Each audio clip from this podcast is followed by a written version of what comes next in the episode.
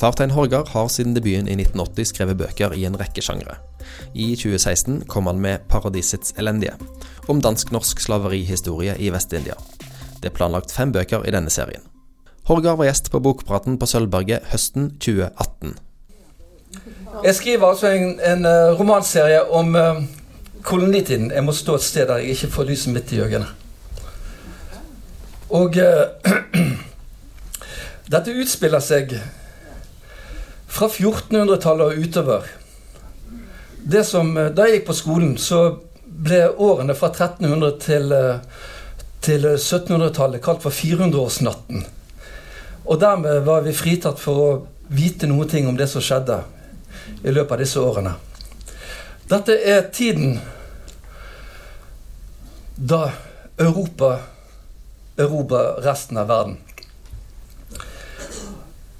I 1444 så seilte portugiserne de første 235 slavene fra kysten av Guinea til Lagos på Algarvekysten. Der ble de auksjonert bort. Det startet raidet på Afrika. Fra 1673 til 1808, altså fem år etter at transatlantisk slavehandel ble forbudt, så ble det seilt 85 501 mennesker fra Afrika til våre kolonier i Karibia. 85 501 mennesker ifølge skipspapirene. De, de førte regnskap. Det var de som kom levende fram. De som døde underveis, de ble, de ble ikke regnet med. De som De som eh, ikke holdt en viss standard, og som kapteinen ikke ville kjøpe, de ble ikke regnet med. Og de, det var ikke sånn at de fikk lov å gå hjem igjen til landsbyen sin langt Honivall oppe i Afrika her. De ble drept. 85 501 mennesker på norske og danske skip. Like mange på andre nasjoner sine skip til våre kolonier her. Dette er den tiden Jens Stoltenberg sa ved det siste stortingsvalget han deltok på. Så sa han grunnen til at Norge har så godt omdømme ute i verden, det er at vi ikke har noe kolonial fortid.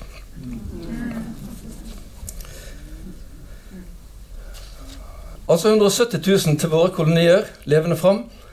Det var de som var i lovlig transport. Da er ikke regnet med de som ble seilt over på sjørøverskip. Vi var med. Her i Bergen hadde en av de største slaveskipsflåtene i Norge på 1600-tallet. Det startet med enkefru Pedersen. Hun eide ett skip, det het Cornelia. Det sendte hun til Afrika. Lastet inn 103 slaver med kurs for St. Thomas, som var vår første koloni. Og uh, disse slavene de ble uheldigvis kapret av hollenderne. Vi var i evig krig med hollenderne. Og så, så våre første slaver de, de ble omdirigert til Curaçao Nedbrutt og ulykkelig så selger enkefru Pedersen skipet sitt til Jørgen Tormølen, som raskt har en uh, stor flåte med slaveskip. Her har vi Jørgen Tormølen. Han uh, en av Bergens store sønner. Fått hele bydeler oppkalt etter seg. Og uh, han sørget for at eh, Bergen de første årene, fra 1750 og 51 og utover, hadde monopol på, på sukkerraffinaderi i Norge. Og så kom trønderne etter. De, dette er Trondheims første industribedrift. Sukkerhuset på Kalvskinnet. Det ble stablet på beina av de tre familiene Menke, skipsreder, Lysholm, brennevinsgründer, og Trondheims velgjører Thomas Angel. Ingen i dag snakker om at disse seilte med sukker og slaver. Her i dette huset her, det, det i dag er det kulturinstitusjon. Der, eh, der er det jazzkonserter, det er karaokekvelder. Der feirer prominente mennesker bursdagen sin. Jeg var i bursdag til Ida Linder, forfatter. Og mens jeg er der, så tenker jeg Hjelpe meg. Bursdag på Sukkerhuset, er ikke det litt som å feire morsdag i kvinneleiren Ravensbrück? Denne handelen til disse tre familiene i trønderfamilien gikk så godt at de opprettet det trondhjemske fart og handel på de dansk-amerikanske eilander. Vi hadde eget kontor på St. Croix. Og når jeg sier det, altså Trønderen liker ikke at jeg sier dette her. Det er færre og færre som inviterer meg. Og som dere har hørt, at av og til kommer det bare én person. Og de kommer med innvendinger. Ja, men Norge var jo sjøl en koloni under Danmark. Vi bestemte ingenting. Vi bestemte alt. Vi hadde en større skipsflåte enn Danmark. Vi var, Danmark-Norge var et imperium. På et tidspunkt så var vi verdens syvende største sjøfast... Nei, syvende største kolonimakt. I sin uh, nyttårstale i 2016 så sa Erna Solberg i seilskutetiden så var Norge verdens tredje største sjøfartsnasjon. Hun sa det med stolthet. Men hun tok feil. Vi var verdens nest største sjøfartsnasjon. Det hun ikke sa, var at disse skipene seilte med sukker og slaver. Når hun sa dette på Røros, på biblioteket der, så er det en uh, rektor på videregående som rekker hånden opp og går i rykker ut til Erna Solbergs forsvar og sier at hun mener naturligvis tiden fra 1814 og utover til år 1900. Men faktum er at i det første dampskipet kom til Vest-India i 1824. Og i 1886 var dampskipsflåten større enn seilskuteflåten. Seilskutetiden var over. Et av de skipene som seilte i trekantfart, det var Fredensborg. Dette er en avistegning. Det havarerte utenfor Kristiansand i 1768. Da hadde de gjennomført en runde i trekantruten. Den hadde vart i et halvt år. Den startet her. Da lastet man inn våpen og brennevin på Skimmelmanns Skimmelmann det er en av Danmarks mektige familier gjennom mange generasjoner. Schimmelmann han er skrevet inn i dansk historie som en hedersmann fordi han foreslo å, å avvikle transatlantisk slavehandel. Han, første generasjon Schimmelmann, han eide en våpenfabrikk og en brennevinsfabrikk. Og han sa det, og dessuten en flåte med slaveskip. Og han sa det sånn Skal du destabilisere et samfunn, så er det ingenting som er så effektivt som våpen og brennevin. Så Fredensborg startet her. Seilte våpen og brennevin ned hit. Bytta det i slaver. Seilte slavene over her. Solgte slavene. Lastet inn kolonivarer. Sukker, brennevin, bomull, tobakk. Og seilte det hjem igjen. Den siste turen til Fredensborg den tok et halvt år. I løpet av det halve året så døde 48 mennesker. 30 av de var slaver. Ingen døde under forliset. Dette er den tiden som bok nummer tre i min romanserie handler om. Det er siste halvdel av 1700-tallet. Gullalderen. Vi tjener skamløst mye penger. Vi har lært sukkerproduksjon. Vi har lært effektivt slavehold og eh, i denne boken har jeg to hovedpersoner, to kvinner, mor og datter. Den strekker seg over 50 år, og dette er mor. Mor Mihami. Hun eh, er husslave på plantasjen Falkenredet. Hennes historie som slave den starta fem generasjoner tidligere i en landsby som dette. Og takk som spør. Hvem som tegnet det bildet? Jo, det var min bestefar. Og uh, Det var få, uh, relativt få slaver som kom fra Madagaskar, men det var noen. Og de som seilte på Madagaskar Madagaskar lå langt unna. De som seilte hit, det var sjørøvere. Hele Madagaskar var en sjørøverøy på 15-, 16- og 1700-tallet. Grunnen til at noen valgte å hente slavene her og bruke en seilas som kunne ta opp til et halvt år på å komme fram, det var at her kostet slavene nesten ingenting. Her fikk du en slave for to patroner og en flaske brennevin. Og sjørøverne, det er to kjente. Det er Captain Kidd og Tempest Rogers, som seilte systematisk på Madagaskar. De stappet skipene så fulle at de tenkte at noen overlever sikkert. Dessuten, de koster jo ingenting. Så jeg, jeg følger en gassisk kvinneslekt som kommer herfra og blir seilt hit. Dette er St. Thomas. Her er Charlotte Amelie. Dette gikk inntil i fjor høst for å være en orkansikker havn. Dette var vår første koloni. På et tidspunkt så var Charlotte Amelie her. Danmark Norges nest største by. Den første boken i serien, det er denne. Den viser oppbygningen av kolonien. Den verste telefonlyden jeg har hørt.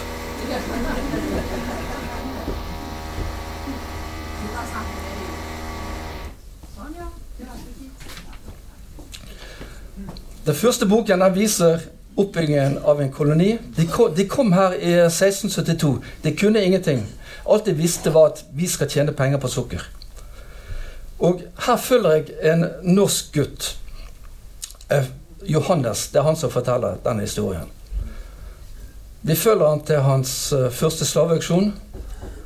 Vi følger han til hans uh, første møte med erotikken, som forveksler med kjærlighet.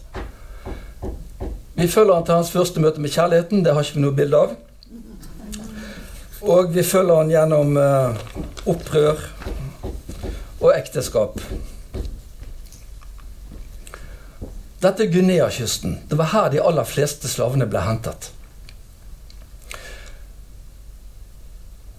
Danmark-Norge hadde hele kysten her belagt med handelsfort. Som var opprettet på de, nei, på de afrikanske kongenes velvilje. Afrikanerne hadde interesse av, inter av handelen med Europa. Ikke bare vi ble skamløst rike. Afrikanske konger langs kysten ble også skamløst rike. Det var de som solgte sine egne. Det har alltid vært slaveri i Afrika. Det har alltid vært slaveri overalt. Men slaveriet i Afrika var ganske beskjedent inntil vi kom. Det europeiske sukkersuget det skapte et marked som var helt nytt. Og det var ikke sånn at de, de, de solgte sine egne. De, de raidet oppover i Afrika Raidet landsbyer oppi her. Reisen ut her kunne ta et halvt år. Og herfra De som ble tatt til fange, afrikanerne, gjennomgikk en systematisk dehumanisering. Planmessig. Vi tok fra det historie, kultur, tradisjoner, språk. Vi splittet familier. Barn, ektefolk, alle ble solgt hver for seg. Spredd på først forskjellige fort, og så på forskjellige skip. Og når de kom fram til dansk Vest-India, på forskjellige plantasjer. Alt dette for, at, for å ha så få som mulig som snakket samme språk. For å hindre opprør.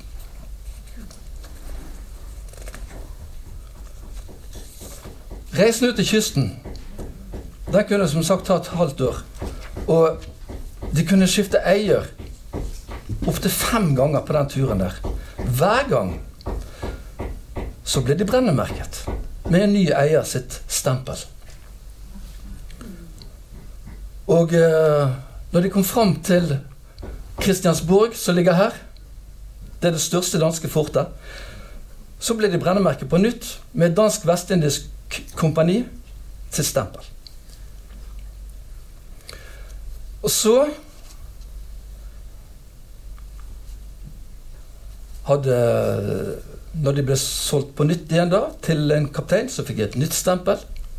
Dette gjorde de med barn helt ned i femårsalder. Først så var disse brennemerkene primitive, sånn som man brennemerket kveg med. Etter hvert så ble de sofistikerte, og, og plantasjeeierne de kalte det sine smykker. De varmet de opp, ikke over et bål, men over en blå flamme fyrt opp med rom på et lite glass. Uten at jeg tror at slavene syns de gjorde noe vesentlig forskjell. Og all denne brennmerken, den tjente en hensikt. Det handlet om å bryte ned menneskeverdet, omskape afrikaneren fra å være et menneske til å bli et arbeidsdyr, og med tiden et avlsdyr.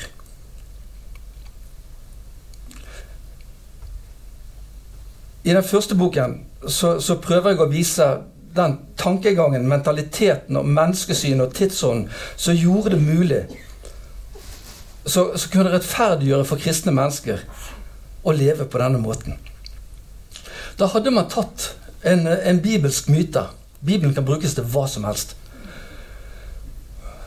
Første Mosebok, 9. kapittel, versene 22 27. Der fortelles det om den gangen Noah, patriarken, drikker seg dritings.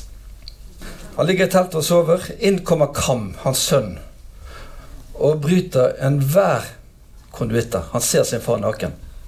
Når Noah får vite det, at han, sønnen har sett han naken, så blir han rasende og eh, fordømmer Kam til evig slaveri for sine brødre. Kam og hans sønner de blir fordrevet.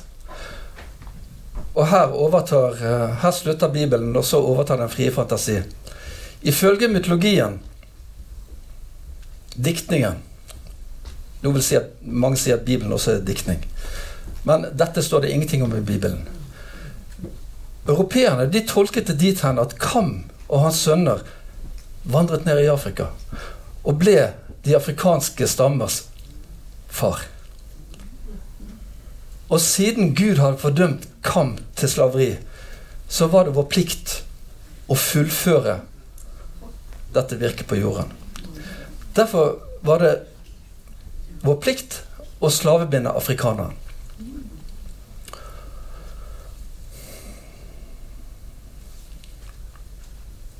Jeg sa ut til kysten, så den turen kunne ta et halvt år. På den turen så dør 70% av de som ble tatt til fange.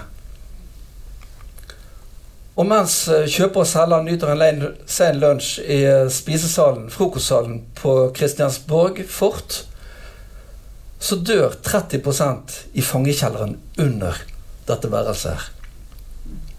30% av de 30 som overlever, dør. Og så var det slavetransporten. De, kunne, de satt De kunne sitte opptil tre måneder og vente på å bli solgt i Kristiansborg. Under overfarten, som tok fra seks uker og oppover, så dør 30-50% av de som hadde overlevd. Og de som var så uheldige å komme levende fram, de kunne regne med en gjennomsnittlig levealder på ti år som markslaver i dansk Vest-India.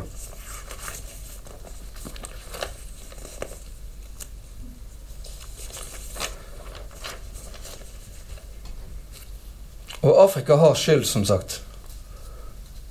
Men det var vi som skapte dette markedet.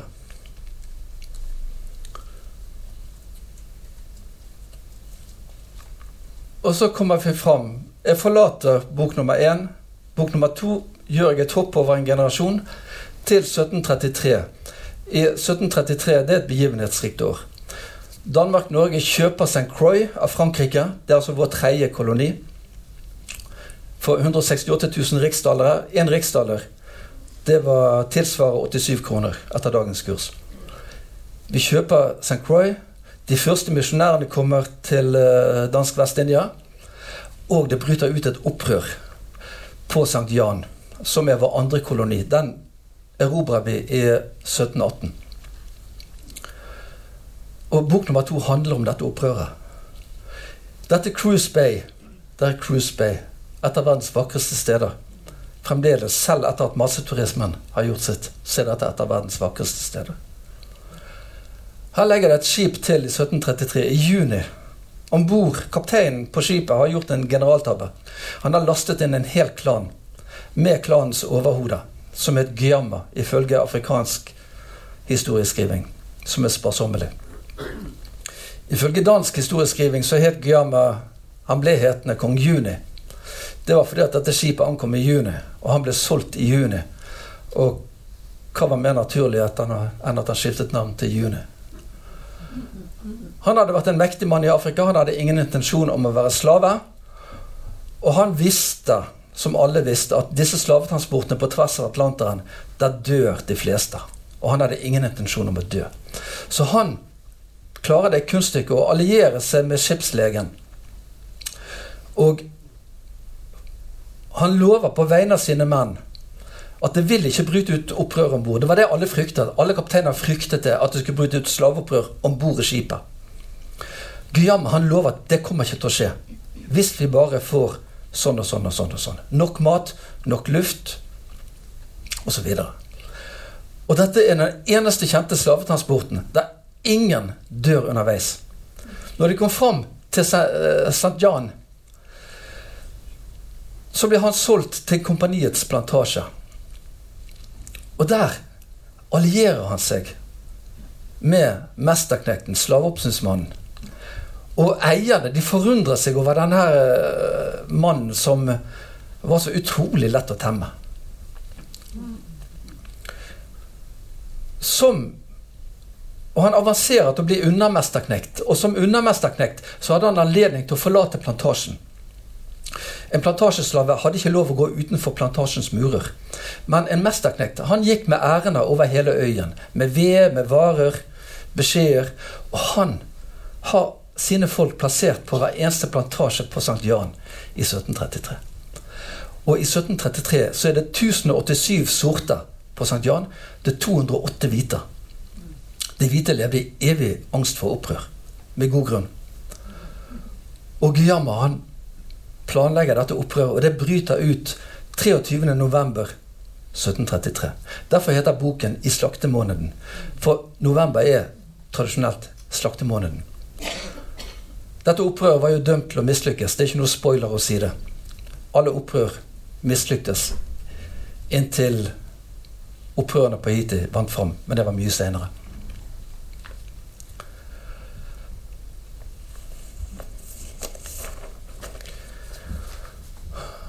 Dette skjer altså i eh, løpet av 400-årsnatten. På den tiden Europa reiser ut og erobrer verden og fikk mennesker i bytte mot rom og våpen. Altså fra 1400-tallet og utover. Og som Fernando Pessoa, verdens beste poet for øvrig, sa Det var på den tiden vi skapte den europeiske sivilisasjonen. På den tiden vi skapte den europeiske sivilisasjonen, så var Europa herjet av endeløse kriger. Her var en fattigdom hinsides beskrivelser. Vi hadde, en, vi hadde, kulturer i Europa som ikke et menneske i verden misunte oss. Vi var underutviklet. Men med overgrepet mot Afrika, Asia Latin-Amerika så reiste Europa seg av den sumpen vi hadde vært i. Og det som er til ettertanke, er at i dag er etterkommerne etter slavene i de tidligere koloniene De tilhører disse landenes desiderte underklasser. Etterkommerne etter slaveeierne i de tidligere koloniene de tilhører i dag overklassen i disse landene. De tidligere koloniene de er i dag verdens fattigste land. De tidligere kolonimaktene er verdens rikeste land. Selv uten olje, dere stavangerfolk. så ville Norge vært blant verdens rikeste land. Og så lurer vi på om vi har noe å be om unnskyldning for. Og så frykter vi at hvis vi, eh, hvis vi ber om unnskyldning, hva blir det neste? Skal de ha erstatning også? I dag I dag regner man at det er 36 millioner mennesker som lever under slavelignende forhold. Av disse er 80% kvinner.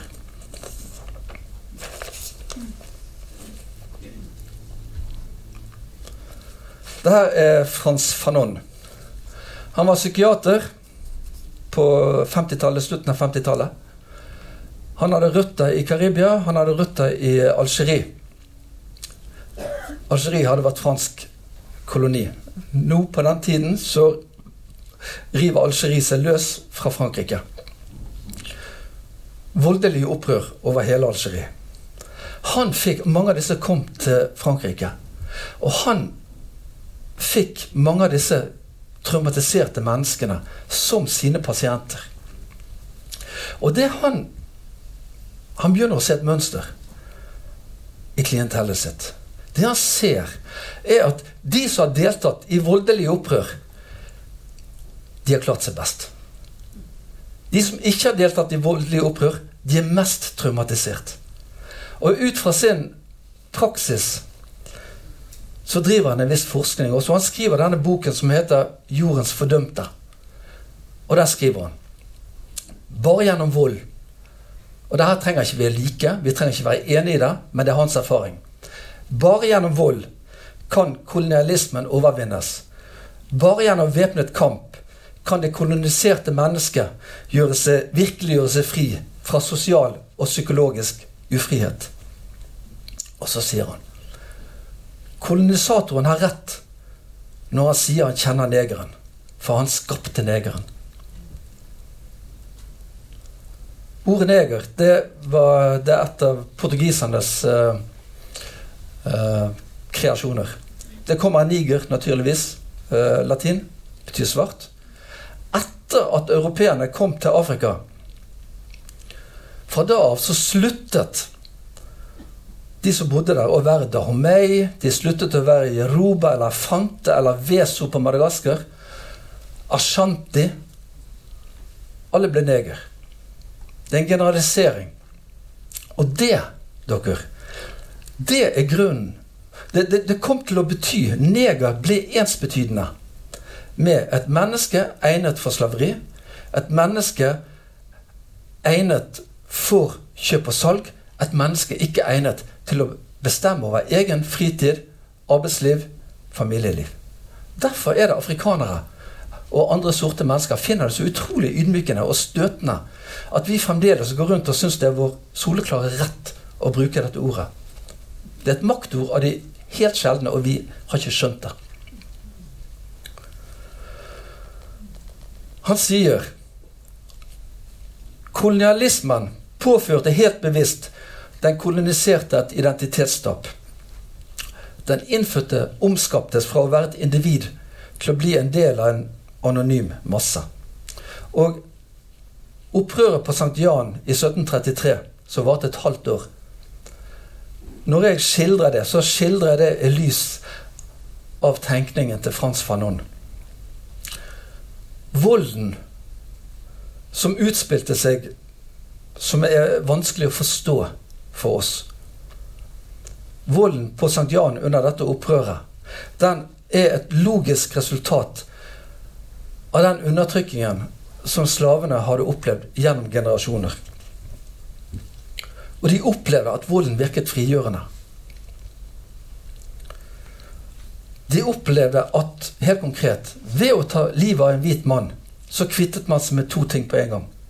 Man kvittet seg med en slave, om han kvittet seg med en slavedriver. Det de hadde igjen, var en død mann og en frimann. Det var erfaringen de gjorde seg. Og som sagt, det er ikke noe vi trenger å like. Og jeg sa at uh, eh, 80 av dagens slavegjorte mennesker, de er kvinner. De som hadde var absolutt nederst i kolonisamfunnet, nederst i slavesamfunnet, det var kvinnene. Og jeg tenker, skal en forstå kolonialismen fullt ut, skal en virkelig forstå hva det er å være slave, å leve i et slavesamfunn, så må man prøve å forstå det som kvinne.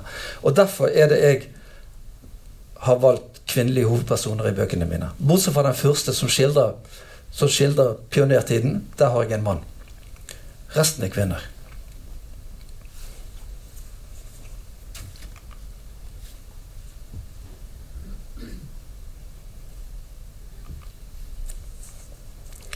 Og så går vi eh, Jeg hopper over en generasjon igjen, når jeg kom til bok nummer tre.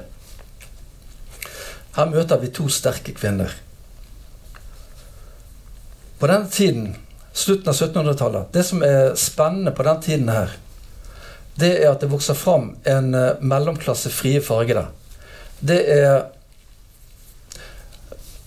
Det er tidligere slaver som Blant mennene var det hovedsakelig håndverksslaver som hadde anledning til å tjene penger ved siden av. Murere, snekkere. Tjente penger ved siden av sitt slavearbeid. Og så var det kvinnelige husslaver. Som eieren hadde fått et pasjonert forhold til, blitt glad i. Som enten fikk sin frihet mens han enda levde, eller som arvet seg sjøl ved sin eiers død. Her møter vi to sterke kvinner fulle av overlevelsesdrift, men underlagt et system som ikke gir noen som helst mulighet for sterke kvinner. Som bare i korte øyeblikk av frigjørende vold eller naivt håp opplever å ta kontroll over eget liv. Hvem av de to tror dere representerer eh, imperialismen her? Dette er meg og bestekameraten min da vi begge var fem år. Uh, faren, hans, faren min han var prest i en kirke på vestkysten av Madagaskar. Faren hans han spilte fiolin i kirken. Sånn ble vår familie knyttet til hverandre. Og uh, Midt på 90-tallet så fikk vi kontakt igjen. Jeg og han. han heter Benza. Eller jeg trodde han het Benza. Vi sa aldri noe annet. Uh, han heter Benjamin, kunne han fortelle meg. 60 år senere. Og, og uh, når, når, jeg står fast i researchen min, og det er noe jeg lurer på gassets kultur For det, det er jo en av grunnene til at jeg velger mennesker fra Madagaskar på, som, på kvinnesiden her. Det er fordi at jeg har forbindelser til den gassiske kulturen og kjenner den. Men når det står fast, så sender jeg en mail til han. Og på et tidspunkt så spør jeg du, hva syntes dere egentlig om at vi var her? I det hele tatt. Og Så går det noen dager før jeg får svar. Men da sier han Det triste er at Afrika og Karibia og Asia ikke har sin kunnskap om dere europeere. Fra det dere brakte med dere av vitenskap, kristendom og humanisme. Men av de så dere påførte oss, og de lenker dere la oss i.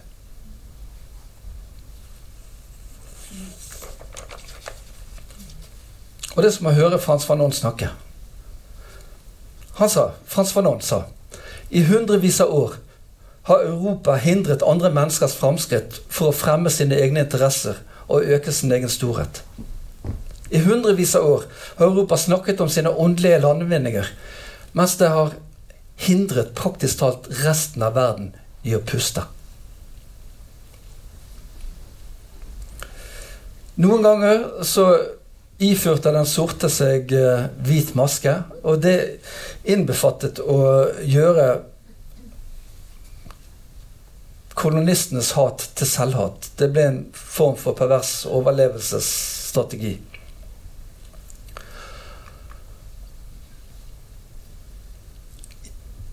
Er noen her som har en Siemens vaskemaskin hjemme? Andre Siemens-produkter?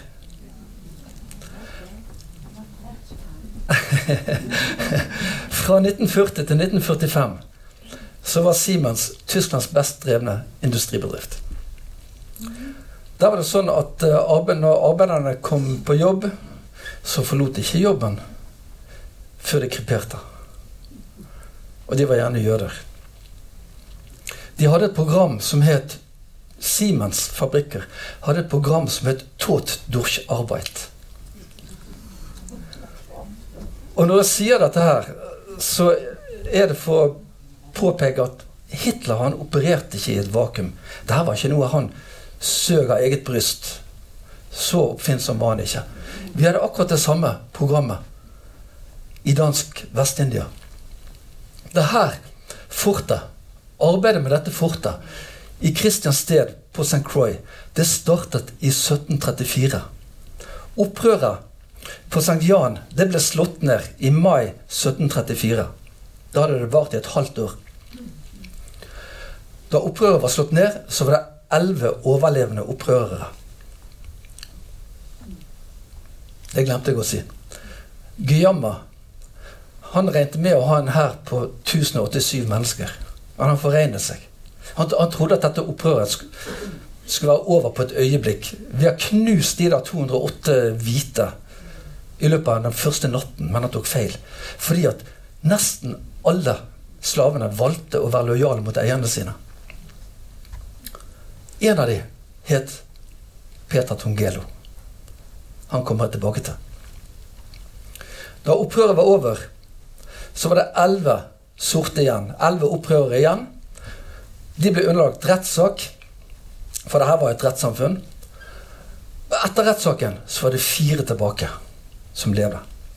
Disse fire de skulle ikke henrettes. De ble sendt til den nye kolonien St. Croix, der de skulle arbeide med å bygge dette fortet. De skulle bære stein til de døde. Jeg lar hovedpersonen i bok nummer to være en av disse fire. Hun lever lenge nok til å sette et barn til verden. Disse jentene de satte barn til verden hele tiden. Og det var ikke fordi de var så glad i barn.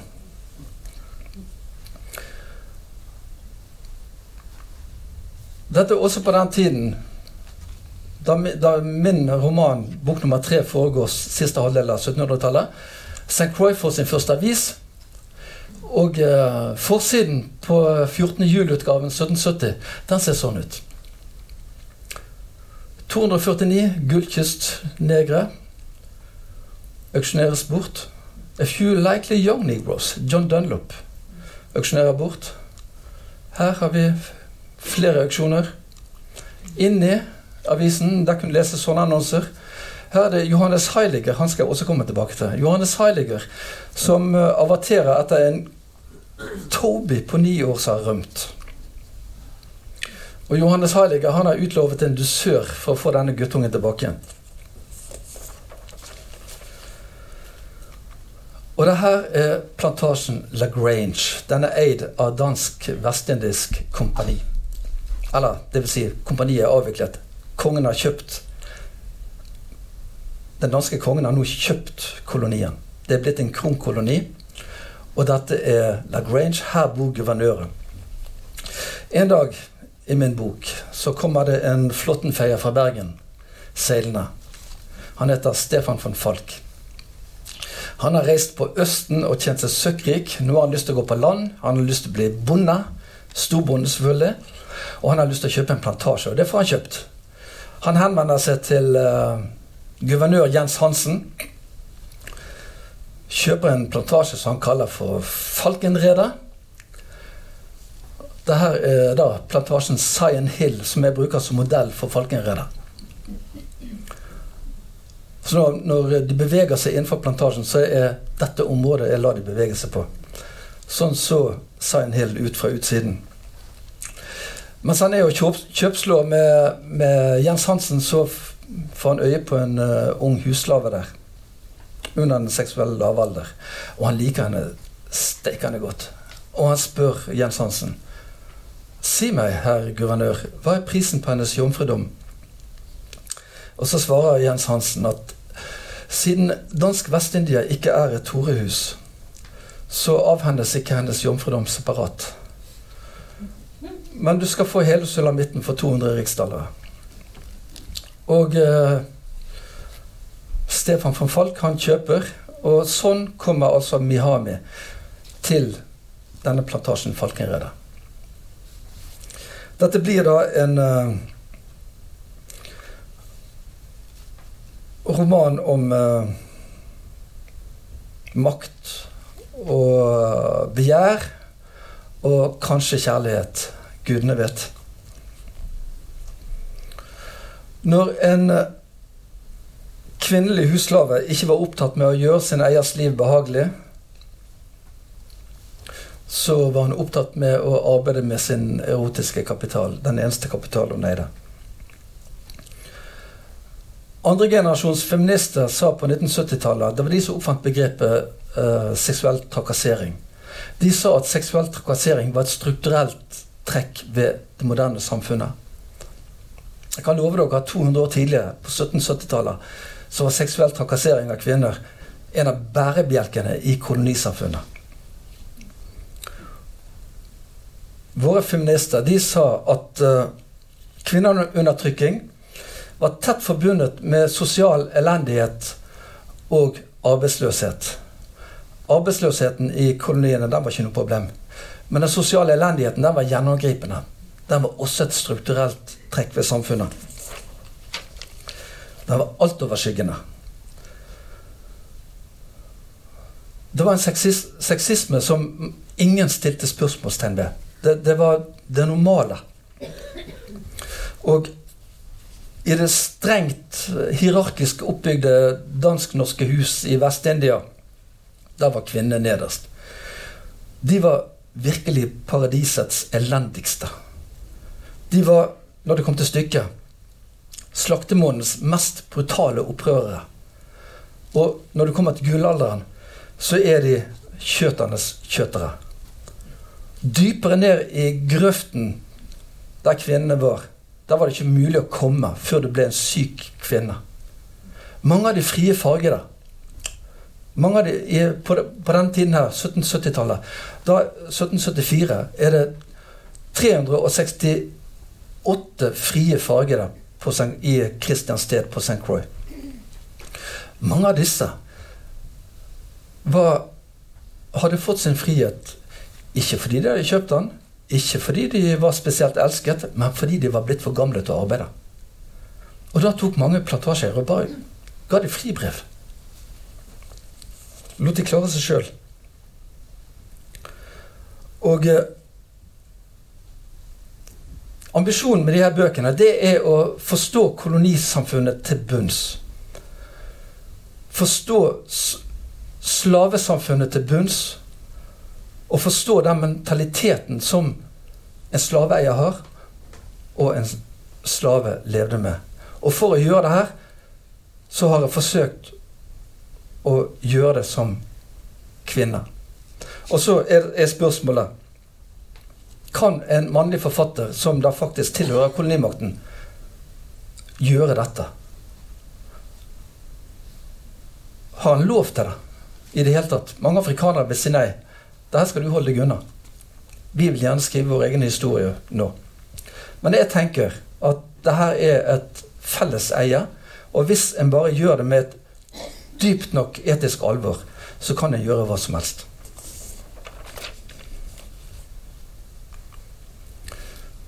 Vi har én ting av verdi, og det er sitt kjønn, og det arbeider hun med. Å investere i, det er hennes aktivum. Og hun bruk, hun, det gjør hun for å holde på sin eiers interesse lengst mulig. Dette er et fribrev. En fri farget. For å få lov å bevege seg innenfor byens grenser, så måtte han alltid bære med seg dette brevet, som dokumenterte at han var fri. Han måtte også gå med en kokardesløyfe på jakkeslaget. Det var en blå eller, eller rød sløyfe, sånn at man kunne se på lang avstand at han var fri. I 1774, når denne boken foregår, så er det som sagt 368 frie fargede. Det er 2121 hvite. Det er 23 000 slaver på St. Croix. 2500 mennesker eier 23 000 mennesker. De frie fargene de er de egne slaver. Der er det såkalte frinegerkvarteret i Kristiansted. Og de frie fargede sine slaver de hadde mye verre forhold enn de som var slaver hos hvite. For de frie fargede hadde så mye å bevise. Det var den måten de distanserte seg fra den standen de kom fra. Det var ved å ha egne slaver og behandle de jævlig.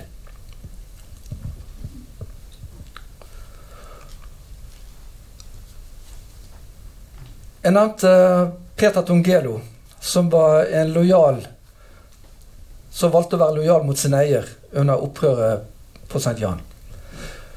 For sin lojalitet så ble Peter Tungelo belønnet med friheten. Han fikk sin frihet. Han fikk også, av sin tidligere eier, fikk han penger nok til å bygge sin egen plantasje. Han flyttet til St. Croix. Han ble en av de første løytnantene i et frinegerkorps. Som, det var et politistyrke som hadde oppdrag med å holde orden på de sorte. Man vil si at han var en sviker. Men sønnen hans, som arvet hans løytnanttittel, han brukte sin posisjon til å utfordre maktstrukturene i kolonisamfunnet hele tiden. Der han kunne, utfordret han de hvite. Og nå har jeg nettopp fått vite at tiden renner ut for oss. Her har vi en uh, borgerløytnant. Nå skal det gå fort her. Der er Mihame. Der er Mihames datter. Hun tilhører den nye tiden. Hun hun har, hun har, bestemt seg. Hun skal virkelig bli fri. Hun rømmer og mønstrer på et skip. Dessverre så har hun mønstret på et slaveskip. Det tok hun ikke høyde for i farten. Det her er tredjegenerasjon Schimmelmann. Barnebarn til han med våpenfabrikk og brennevinsfabrikk. Han er finansminister i Danmark, Norge. Og han er det som finner ut at det her, vi kan ikke holde på med, med slavehandel lenger. Vi tjener ikke penger på slavehandel. Vi overlater til de andre, så forbyr det. Og så kommer vi ut av historien med et godt omdømme. I Danmark har han et fantastisk godt omdømme. Han eide 1000 slaver. Og en flåte med slaveskip. Og dette handler bok nummer tre om. Tusen takk for meg.